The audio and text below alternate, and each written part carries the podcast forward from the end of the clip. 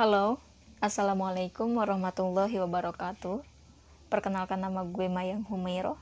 Ini adalah podcast pertama gue dan pada podcast kali ini gue ingin membahas tentang sebuah penyakit yang katanya didiagnosis tidak dapat disembuhkan. Penyakit yang di mana saat ini lagi banyak diperbincang, diperbincangkan oleh orang lain. Namun bukan penyakit COVID-19. Penyakit ini penyakit mental yang diidap oleh salah satu orang artis dari Indonesia.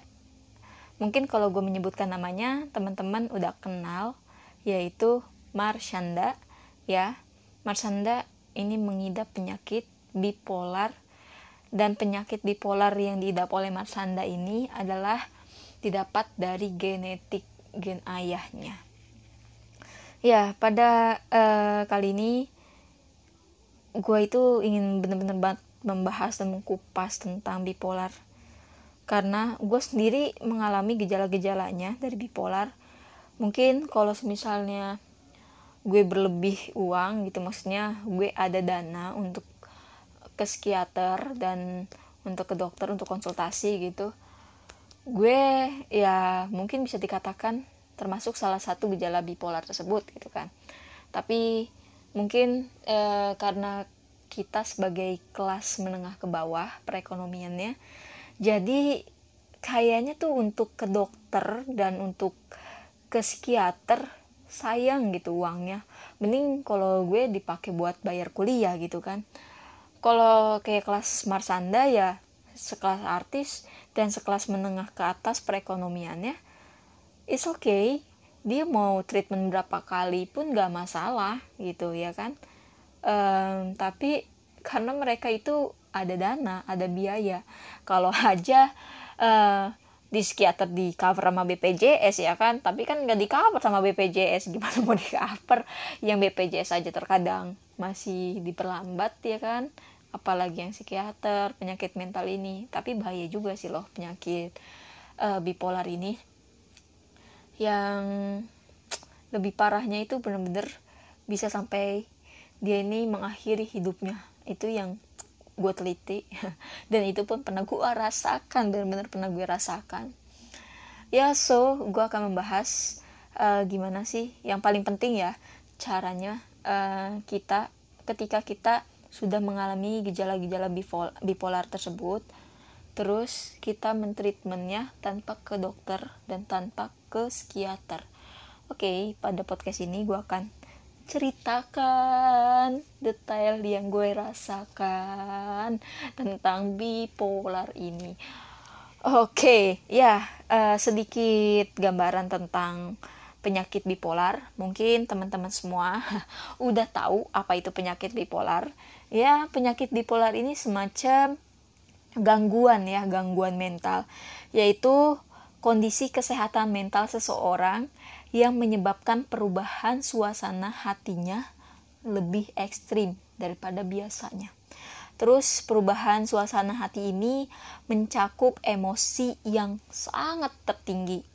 Ya, ya yaitu dia terkadang sangat senang disebut dengan fase manik atau hipomanik kalau untuk hipomanik ini fasenya lebih rendah jadi nggak levelnya nggak terlalu tinggi lah gitu dan uh, dia juga mengalami emosi terendah yang disebut dengan depresi atau sangat murung mungkin sebagian orang kayaknya atau hampir semua orang pernah merasakan ya uh, dia merasakan senang dia merasakan bahagia tapi yang membedakan itu seperti ini uh, kita ambil uh, ambil aja seperti garis netral dan up dan juga level down. Up kita pakai untuk fase manik dan down kita pakai untuk fase depresinya atau up senang, down itu kesedihan. Kalau orang biasa atau orang normal yang tidak mengidap penyakit bipolar, jadi uh, dia ini fasenya gelombangnya nih ketika dia senang kita uh, hitungkan saja levelnya untuk kesenangan 1 sampai 10 dan untuk kesedihan juga levelnya 1 sampai 10. Level kesenangan orang biasa atau orang yang normal itu kisaran 1 sampai 10 itu adalah 5. Jadi dia senang. Dia senang, tapi dia tidak lupa dengan yang di bawah. terus fas, uh, setelah dia mengalami kesenangan dia mengalami kesedihan kesedihannya pun tidak begitu murung dia hanya sampai di level 4 terus dia senang lagi di level 3 dia turun lagi sedih lagi hanya di level 6 gitu dia terus naik lagi di level 6 kesenangannya. Itu masih wajar normal. Tapi kalau semisalnya bipolar ini beda gelombangnya.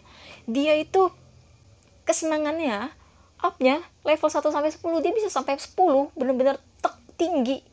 Dan kesedihannya juga bisa sampai titik terendah benar-benar sangat tinggi. Wah ini bahaya juga ya.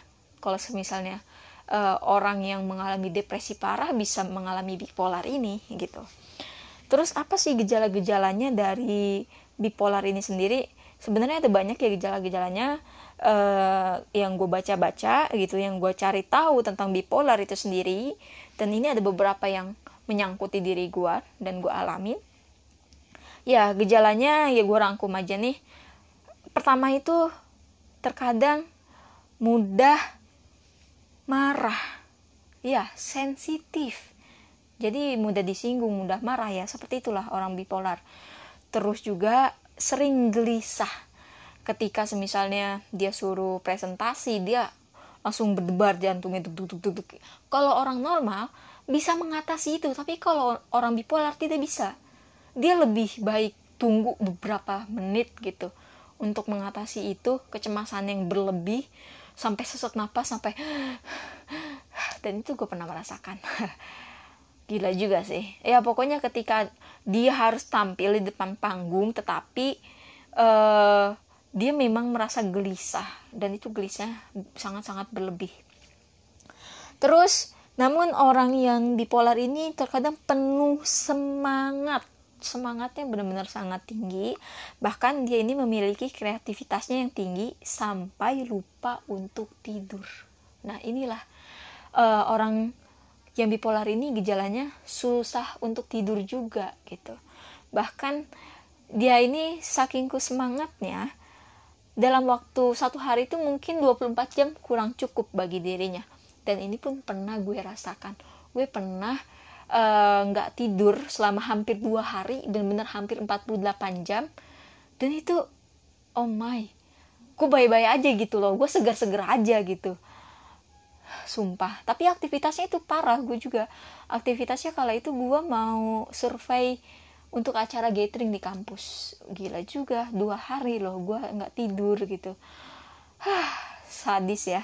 Oke selain uh, seperti itu yaitu ada lagi gejalanya gangguan selera makan atau kadang makanannya berlebih gitu.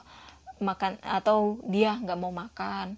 Terus gairah seks menurun ataupun meningkat dan tidur biasanya dia ini kurang tidur dan juga tidurnya bisa berlebih atau bangun tidak sesuai dengan jam porsinya 8 jam. Terus uh, orang dengan gejala bipolar ini yaitu sering menghambur-hamburkan uang nggak jelas. Yang di mana ya dia beli sesuai keinginannya aja gitu apalagi kalau misalnya memang punya uang ya dia beli ini beli ini beli ini ya ya karena memang udah dorongan dari otaknya seperti itu. Oke okay. uh, lanjut. Menyeramkan juga sih. Unik tapi menyeramkan dari penyakit ini ya. Gejalanya uh, yaitu yang lainnya mudah putus asa. Ya penyakit bipolar ini dia benar-benar karena depresi dia putus asa. Bahkan ketika dia putus asa dia sampai ingin bunuh diri. Gila ya. Ini gila sih. Benar-benar putus asa ya udahlah. Ah gue daripada hidup gini-gini terus. Gue daripada hidup dibayangin dengan trauma gue yang dulu. Gue gini-gini terus masalahnya nggak pernah kelar. Gue udah akhirin hidup gue aja deh. Lebih tenang hidup gue. So gue pernah mengalami itu sob.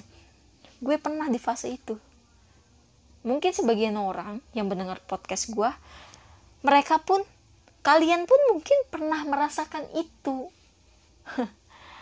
Dan itu nggak gampang ngelawannya loh. Gila susah. Ya lanjut gejalanya. Yaitu rendah diri dan terkadang tidak percaya diri. Ya introvert lah salah satunya ya. Sebenarnya dia orang yang bisa tapi kayaknya untuk bersosialisasi keluar tuh kurang percaya diri gitu sama dirinya sendiri introvert. Oke okay, lanjut. Uh, dan sering mendengar bisikan yang tidak didengar oleh orang lain. Dan itu gue pernah alamin juga sob. Gue uh, saat itu kalau bisikan-bisikan sih ya kayaknya udah lama tapi di 2019 kemarin tuh lebih sering di mana gue lagi sholat pun itu bener-bener ngegremeng gitu di telinga gue ngegremeng bahasa apa lagi ya. Ya pokoknya di telinga gue tuh kejelas banget lah ya. Mayang pingsan mayang pingsan mayang pingsan ya bla bla bla. Tapi ketika gue menahan hawa itu gitu untuk tidak pingsan gila. Rasanya berat banget. Oke okay sumpah ya. Dari bipolar ini amazing. Penyakit yang sedikit unik. Nah uh, setelah kita mengetahui gejala-gejalanya tadi kan kita udah tahu bipolar itu apa terus perbedaannya dengan orang normal itu seperti apa sih emosinya dan juga gejala-gejalanya seperti apa nah ini penyebabnya yaitu ada faktor genetik ada juga faktor fisiologis ada faktor lingkungan dan ada faktor obat-obatan dan minuman. Ya, kalau faktor genetik uh, udah jelas ya faktor dari orang tua atau dari ya keturunan-keturunan kita yang lainnya. Kalau faktor orang tua misalnya uh, orang tua tunggal salah satu dari orang tua kita mengidap penyakit bipolar, maka kemungkinan besar seorang anak mengidap penyakit bipolar itu adalah 15 sampai 30 persen kalau semisalnya kedua orang tuanya mengidap penyakit bipolar, kemungkinan besar yaitu anaknya mengidap bipolar 35% sampai 50 eh sorry 50% sampai 75%. Angka yang cukup besar juga ya kan.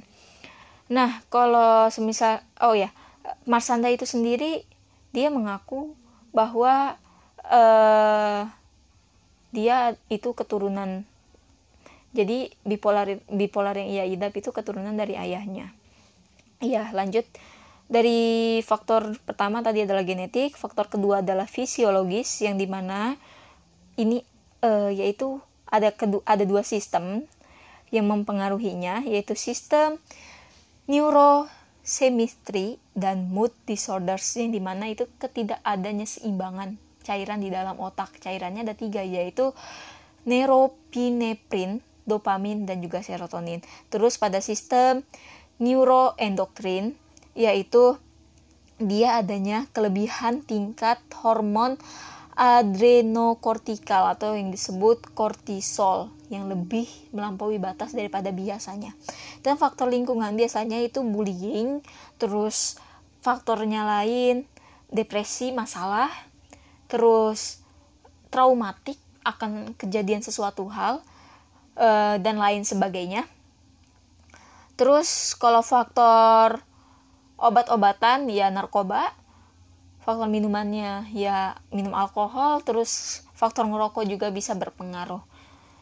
Nah, eh, kalau semisalnya kita sudah mengetahui gejala-gejalanya, eh, karena kita keterbatasan biaya untuk konsultasi ke dokter dan juga ke psikiater ini cara yang gue lakukan cara yang benar-benar gue lakukan ya treatment treatment yang benar-benar gue lakukan sehingga gue bisa meminimalisir. Meskipun ketika gue ingin menahan hawa itu menahan emosi yang sangat berlebih itu sampai kayak orang sakau. Benar-benar menggigil dingin. Itu yang gue rasain.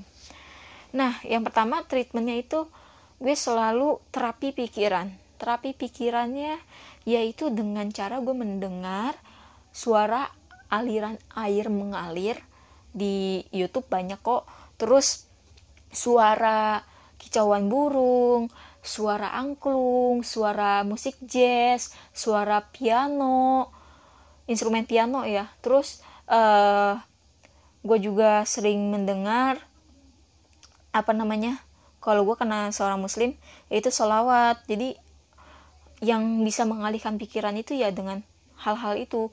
Gue bener-bener aduh pikiran tenang banget ya kalau udah ngedenger itu. Ketika gue gelisah ketika gue bener-bener depresi parah iya gue menenangkan pikirannya dengan cara itu dengan mendengarkan apa yang tadi gue sebutkan. Salah satunya juga karena gue seorang muslim yaitu dengan sholawat.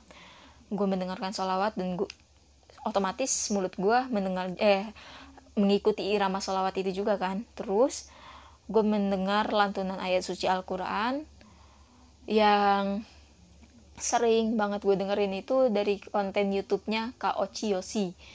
Nah, dari kontennya beliau itu gue dengerin suaranya merdu dah pokoknya enak. Tapi banyak juga sih yang gue dengerin konten lainnya. Nah, eh, selain mengalih eh terapi pikiran itu, yang kedua itu meditasi. Meditasi dan yoga. Jadi, teman-teman kalau misalnya eh, agamanya kalian muslim, sambil meditasi itu kalian sambil sholawat kalian sambil zikir sambil mengingat Allah. Kalian benar-benar mengatakan bahwa tiada Tuhan selain Allah gitu. La haula wala quwata illa billah. Sambil syahadat dan apa pun yang kalian bisa itu yang gue lakukan. Namun kalau kalian yang non muslim kalian bisa melakukan uh, apa pun sesuai dengan uh, keyakinan kalian meditasinya kalau ya di agama gue ya dengan berzikir dan mengingat Allah. Kalian juga seperti itu mengingat Tuhan kalian. Oke okay. uh, eh, yang ketiga itu kita perkuat iman karena di saat dorongan uh, depresi itu hadir setan-setan itu semakin menggoda. Makanya di situlah iman perkuat.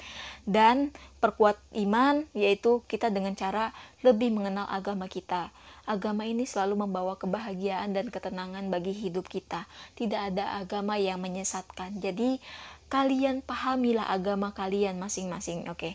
Nah, terus juga kita ketika sudah perkuat iman dan kita lebih mengenal agama, di situlah kita akan lebih dekat dengan Tuhan. Kita akan lebih dekat dengan Allah.